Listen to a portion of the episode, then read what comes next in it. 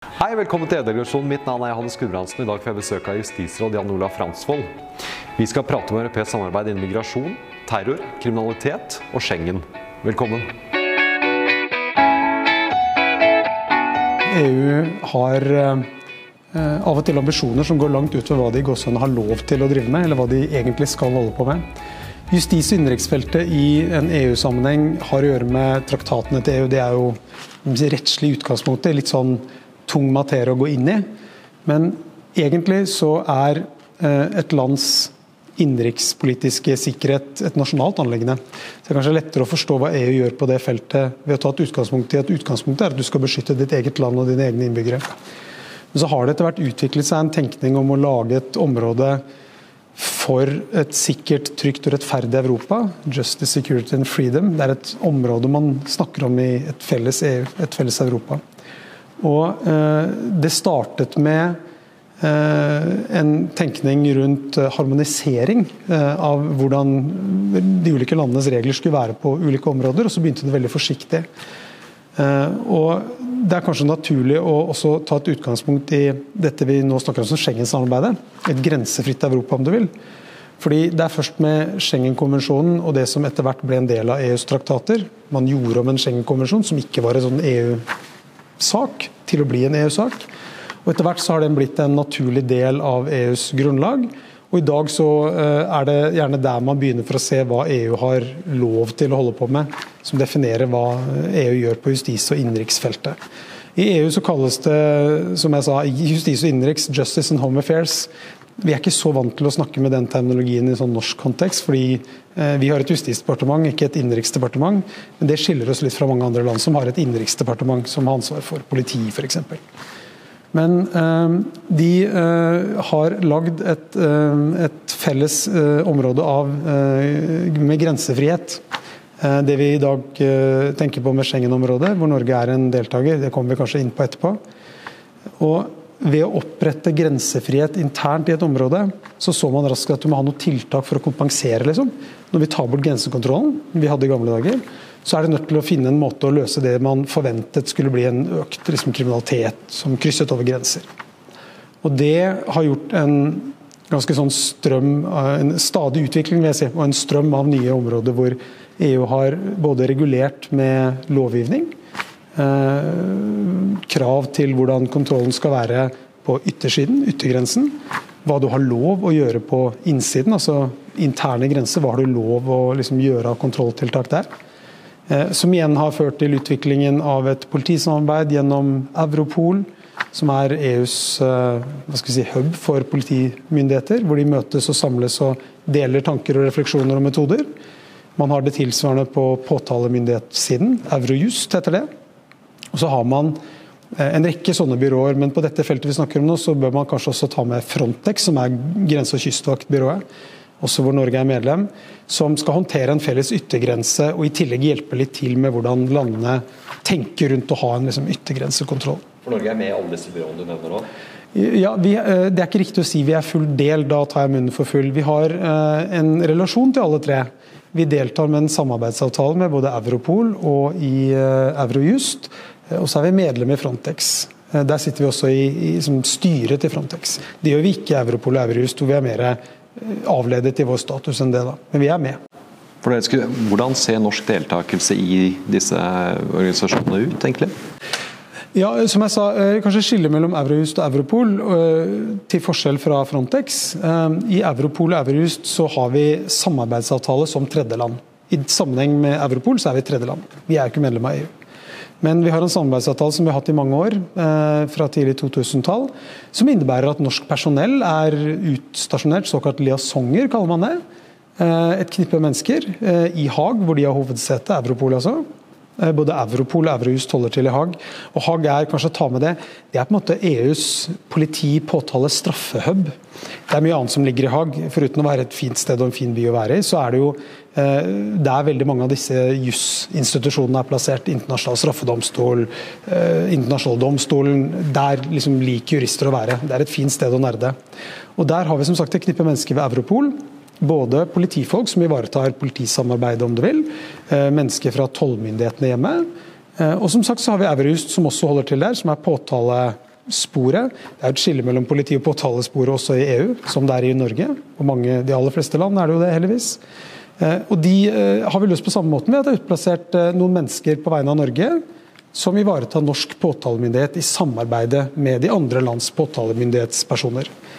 Men i tillegg så er det jo da en formell avtale som ligger til grunn her. Folkerettslig avtale mellom Norge som stat og EU som institusjon. Mm.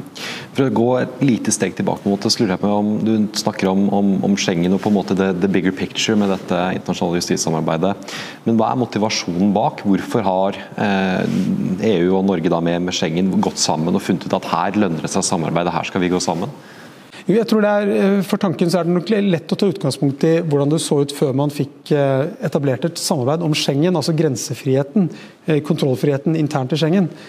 Før det så vil et land tenke at grensen er på en måte det siste stedet du kan stoppe, kontrollere mennesker som enten er på vei inn for å gjøre noe du ikke vil, eller forhindre folk i å stikke av om du vil. Det er litt forenklet og banalt, men utgangspunktet er ganske bra tror jeg, for å forstå behovet for å øke dette samarbeidet. Og eh, må også sies at Det er mange andre grunner til at Europol er en god idé, men akkurat nå, for å forstå hvorfor dette, kom, eh, hvorfor dette utviklet seg, så tror jeg det er viktig å ta utgangspunkt i at du ikke hadde kontroll på grensene. Og Da så man at i det øyeblikk du fjerner den grensehindringen det er at du har en kontrollpost, så vil det være mye lettere for mennesker å bevege seg, eh, bevege seg over grenser, og på den måten lettere slippe unna et sånt søkelys fra, fra politiet i det landet du har gjort noe galt. da. Og Det var liksom intuitivt for mange. Jeg tror det fortsatt er ganske intuitivt. At det er lett å stikke av hvis du vet at du kommer til et annet land. hvor du, et, et land har heller ikke uten videre rett til å drive og etterforske, forfølge, operere et annet land. Det er ikke uten videre sånn at norske eh, politimennesker kan dra til Frankrike og holde på, hvis ikke det er noen avtale som gjør det mulig. Så Det var grunnen til at man så for seg at det er det nødt til å samarbeide tettere om. I tillegg så, så man vel etter hvert som, eh, som samfunnet utviklet seg, til altså at Kriminelle er tilpasningsdyktige, eh, strømninger er internasjonale, trender er internasjonale. Vi er riktignok eh, det, det viktigste landet for nordmenn er Norge, men vi er dessverre ikke det for alle andre land i verden. Og vi er tross alt en begrensa del av personer i verden som bor i Norge. Så det å finne inspirasjon, hjelp, samarbeid viste seg raskt å gi mening. Og de kanskje største eh, forbrytelsene og mest inngripende forholdene som treffer Norge, er gjerne med forgreininger til andre land. Og Da trenger du et instrument for å snakke med andre på en ålreit måte. Og få mest mulig igjen av det du kan snakke med andre om. Mm. Men eh, Du svarte kanskje nesten litt på det, men jeg skulle spørre deg, i en, en, slik ordning, hva er det som da blir landenes særrett, og hva er det som på en måte blir løftet opp på det internasjonale nivået? Som jeg eh, sa litt tidligere i samtalen vår, så er det et viktig utgangspunkt at, eh, at, hvert land har ansvar for sin nasjonale sikkerhet. Vi kan si at Det er kjernen i den suvereniteten man har på eh, sin egen stats territorium. Det betyr at eh, det å etterforske et straffbart forhold, det å uh, bruke tvangsmidler, altså det å, det å stoppe folk, pågripe folk, det å putte folk i fengsel, uh, alle de tingene du forbinder med at politiet har lov å gjøre, ja, det har du ikke uten videre lov til å gjøre i andre land. Det er kjernen i den suverenitetsutøvelsen du skal gjøre som land. Og når man fjerner disse grensehindrene som gjør at folk kan gå over til et annet land, så mister jo på en måte et nasjonalt politi de mulighetene. Du kan liksom ikke bare løpe etter uten videre. Eh, liksom billedlig talt. Og Det var vel noe av det første man begynte å lage et rammeverk for. Eh, jeg skal ikke gå inn på detaljer i det, for det er ganske sånn i og for seg kjedelig og krevende teknisk, kanskje. men, men du må lage regler som gjør det mulig på enkelte vilkår å gjøre nettopp det. Da. Altså Gå over i en annen lands område, territoriet, for å finne ut av hva som har skjedd. Fordi du har grunn til å tro at mennesker som har gjort noe galt i ditt land, ikke lenger er der. Eh, og Det har jo også sammenheng med hvordan du skal få tak i folk. Hvis du etter hvert finner ut at de er et annet land, annet land så må du ha avtaler for å få dem tilbake. Utleveringsavtaler. Eh, hvordan gjør du det? Hvis man beslutter i Norge at noen skal pågripes, altså arresteres, så må du ha hjelp til å gjøre det. fordi som jeg sa, du har ikke lov å dra dit på egen hånd og gjøre det. Du kan ikke drive selvtekt i naboens land. Eh, så For å få løst disse spørsmålene, så lager man avtaler, og det internasjonale kommer veldig tydelig inn. Og I denne sammenhengen vi snakker om nå, det europeiske kommer veldig tydelig inn. Men, men når ordningen da har blitt slik den er nå i dag, hva er de største utfordringene per i dag? Jeg tror hovedutfordringen er tilliten mellom land fortsatt. Eh, nå er ikke det noen ny dimensjon, men Eh, tillit mellom land er fortsatt et, eh, et, eh, et sårt punkt, får jeg vil si. Og så spole litt tilbake og begrunne hvorfor jeg mener tillit er det viktigste. Og det er fordi jeg er jo antagelig ikke helt nøytral i min Om ikke kjærlighet, så har jeg beundring for EU. Jeg syns de har gjort mye bra. Og Det er klart at det er ikke alle som er enig i det premisset. Men min inngang til dette var at jeg nok var positiv til at EU er en bra ting. Så det farger nok mitt syn på hva de har fått til. Eh, jeg tror det er greit å ta med når vi skal prøve å svare på det du spør om nå. Fordi EU har gjennom de siste tiårene utviklet ganske mange sider tekst, regler, ganske sånn tungt fordøyelige regler og retningslinjer for hvordan dette samarbeidet skal foregå. Og så er det lett å tenke at det er veldig langt fra tekst til handling. Det er ikke alle som er like glad i tekst. Eh, og det er noe med at man har lagd så mange sider tekst som i og for seg teoretisk gjør alt dette veldig lett å praktisere. Det vil fly lett, men som allikevel ikke fungerer. Og Da er det denne tillitskomponenten kommer veldig tydelig inn. Eh, vi lever jo nå i en tid hvor eh, vi riktignok ikke bare har en, en, krevende pandemi som alle må håndtere, men også en situasjon hvor mange land rent faktisk har innført igjen disse grensekontrollene som vi har snakket så vidt om allerede. Og Jeg tror ikke det er vanskelig å se at det er en tillitskomponent i det. fordi hele ideen her er at hvis alle ivaretar uh, yttergrensene sine godt nok, så skal det være noe du gjør på vegne av også de andre landene. Så Norge passer sin yttergrense på vegne av ikke bare våre naboland, men også på vegne av land i Sør-Europa. Og vice versa. Land i Sør-Europa, gitt at de hadde beskyttet grensene sine på samme nivå eh, som man var enige om, så ville man ha tillit til at det gikk av seg selv, og at ikke man behøvde noen indre grensekontroll. Litt karikert eksempel, kanskje, men det er nok det mange peker på. Ikke bare en tanke jeg selv har. Mange peker på at dette er det som mangler for å virkelig få fart i samarbeidet. Skal det sies at det er veldig mye som går veldig bra. Vi ser jo stadig i norske medier historier om, eh, om, om straffesaker som har nær sagt blitt oppklart i Norge ved at man har fått hjelp fra et annet land til å pågripe noen. Eh, I fjor var det en, eh, en, en, en siktet voldtektsforbryter mener jeg husker, som ble pågrepet i en liten by i Frankrike. Det er en mann som er mistenkt for drap, som bl.a. har blitt mistenkt for det i Belgia, og som ble pågrepet i Frankrike. Så Sånne eksempler syns jeg det er ganske mange av. Og og det, det, er jo egnet til å illustrere merverdien. Satt litt på spissen så er det jo jobben til oss som jobber ved delegasjonen vår til EU, det er å delta i det litt, kanskje litt mer krevende, sånn kjedelige skrive tekst. Men jeg synes det er en nyttig påminnelse at alle disse sidene med tekst skal jo gi et praktisk produkt på et eller annet tidspunkt. Så hadde det ikke vært for alle disse sidene med tekst, så kunne man heller ikke ha delt bevis mellom land. Man kunne ikke ha hatt dialog om å utlevere mennesker mellom land det er en sammenheng mellom det i godsene litt kjedelige som skjer i en regelfabrikk som EU, og det praktiske som skjer når et, eh, et eh, lensmannskontor i, i, Norge oppklarer innbruddene av båttyverier i sjøbåtene på sommeren. Men Hva blir din rolle i dette? Hvordan er det du sitter her i Brussel og arbeider med dette da? Eh, Norge har jo ulike tilknytningsformer til EU.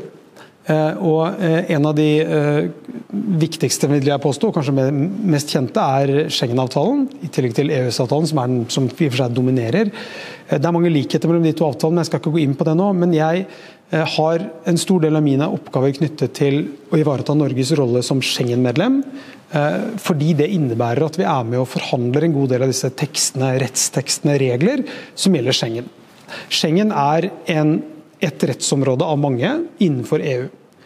Og eh, Schengen uh, er en på et vis strøm av forslag som skal diskuteres mellom landene, som etter hvert skal bli rettsregler som veldig ofte vil ende opp med å bli en del av norske rettsregler om liksom, x antall måneder eller år. Så min jobb er som jeg sa, mye knyttet til å være norsk representant i de diskusjonene. Som innebærer at jeg skal følge med på hva som skjer, hva som antagelig vil skje. Prøve å ha noen meninger om hva som er lurt å tenke på i forkant. Og så en fase hvor jeg eh, på vegne av eh, myndighetene hjemme i Norge ber om og sier det Norge mener formelt i en forhandling om en rettstekst. For Mange tenker kanskje på Schengen som en, en etablert ting, men, men, du forteller mer at det er stadig under utvikling, stadig endring. Ja. Ja, det vil absolutt si. Nå er det noe som måtte ikke har blitt endret, eller som antagelig vil bli endret. det er sånn helt grunnleggende. Men det er en stadig utvikling hvor enhver en rettsregel som er en del av dette Schengen-systemet, må vurderes på nytt. Det kommer nye endringer til. Det skjer utvikling som gjør at man må modernisere det. Så Life expectancy på en, på, en, på en rettsregel i Schengen er ikke nødvendigvis så mange år. Det temaet vi var innom så vidt i sted, dette med grensekontroll. Det er jo regulert hva som skal til for at en stat kan si at selv om vi er enige om at vi har et fritt reiseområde internt i Schengen, så er det noen grunner som tillater at vi kan bruke grensekontroll. Ehm, et veldig kjent eksempel er jo hvis du har eh, et stort eh, arrangement som gjør at du forventer eh, problemer. Det er ikke noe hemmelighet at fotballarena er en sånn arena, hvor det kan komme bråk på en fotballarena. Og Det er det selvfølgelig regler for. at Hvis du regner med at det blir mye opptør på en fotballkamp, nærmer seg avgjørende sluttspill i Champions League, så kan du stenge grensene for å kontrollere hvem som kommer inn. Så Det har man hatt regler for lenge, og har det fortsatt. Men den situasjonen vi har nå, helt siden det var en ganske sånn dramatisk økning i migrasjonen til og i Europa i 2015, som dessverre også sammenfalt med en god del terroraksjoner på den tiden, eh, eh, så, så var det mange land, Norge var en av dem, som, som innførte eh, det man kaller midlertidig indre grensekontroll. Stenge grensene for å ha bedre kontroll på hvem som kommer og ikke. Og Så betyr det noe for hva du får lov å spørre de som kommer om. Og Det er regler som ingen helt er fornøyd med. Alle er for så komfortable med at det er sånn det er nå. Men det er et regelsett som jevnlig blir foreslått endret, og så diskuterer man om endringene kan vedtas eller ikke. Det står litt stille akkurat nå, men det er sånn dynamikken er. Og Sånn kan vi gå fra område til område. Databaser som inneholder data som man har funnet ut at det er lov å lagre om mennesker og lov å dele. Eh, så skjer det endringer. Eh, da, da, jeg var ung, så trodde jeg og innbiller meg også at man oppklarte kriminalitet med fingeravtrykk. Jeg så det på TV, og da måtte det være sånn i virkeligheten. I dag tror jeg det er sjelden at fingeravtrykk er det som velter en straffesak til domfellelse.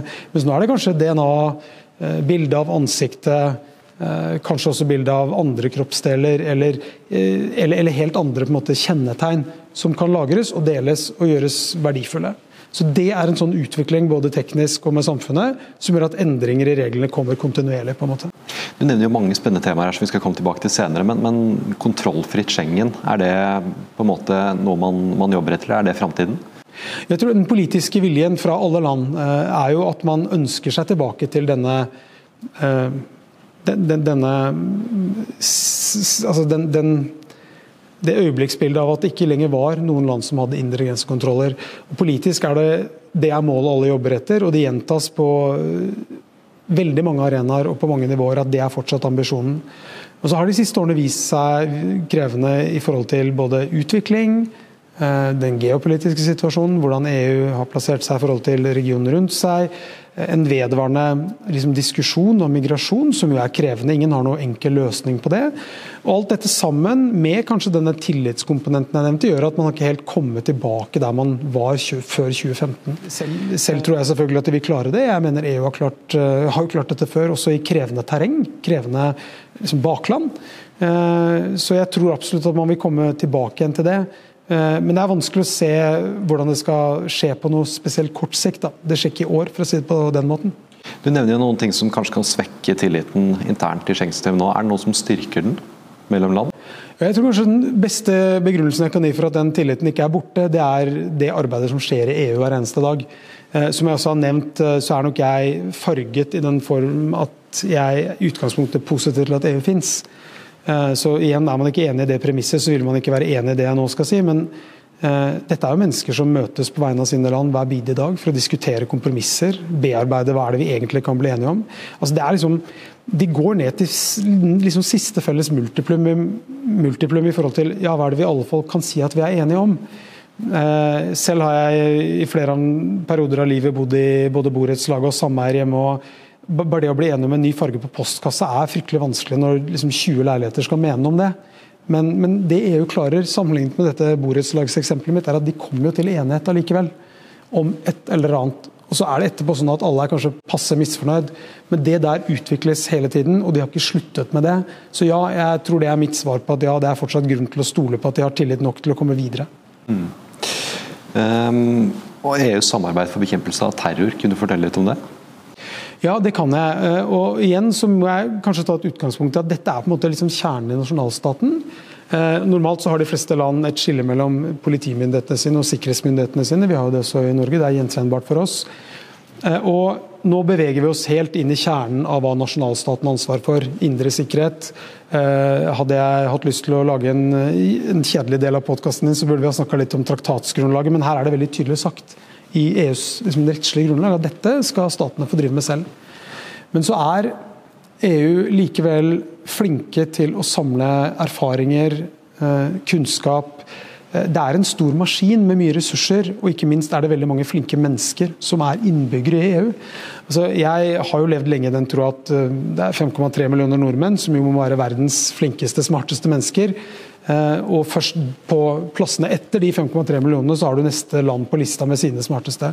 Men sannheten er jo at det finnes veldig mange flinke mennesker i Europa. Og mitt inntrykk er at veldig mange av de flinke menneskene også finner veien hit til Brussel.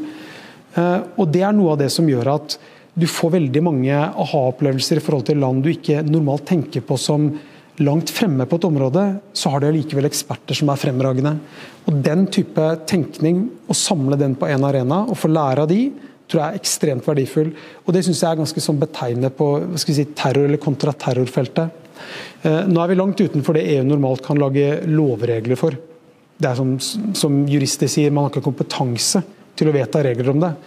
Men det hindrer ikke EU i å over lang tid lage anbefalinger, eh, informasjonskommunikasjon. De forteller omverdenen hva tenker vi er farlig nå, hva tenker vi er lurt å drive med nå.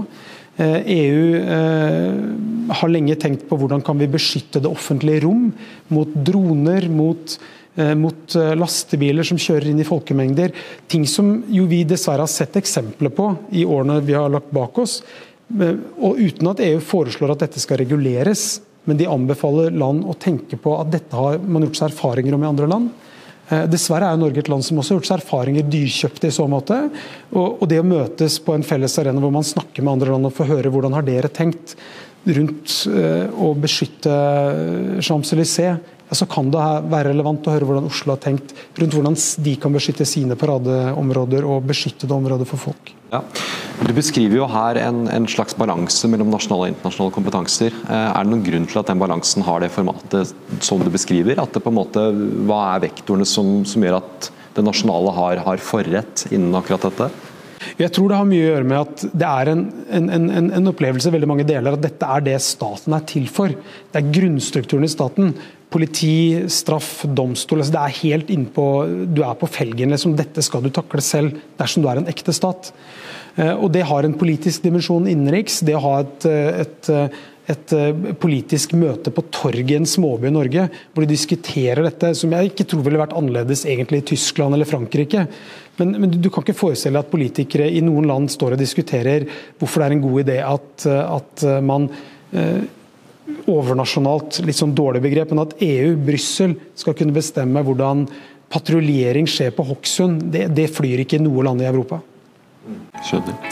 Eh, vi kunne prate mye lenger, men jeg lurer på om det egentlig dessverre var tiden vi hadde. Måtte jeg si tusen takk? Jo, tusen takk det samme. Det var spennende.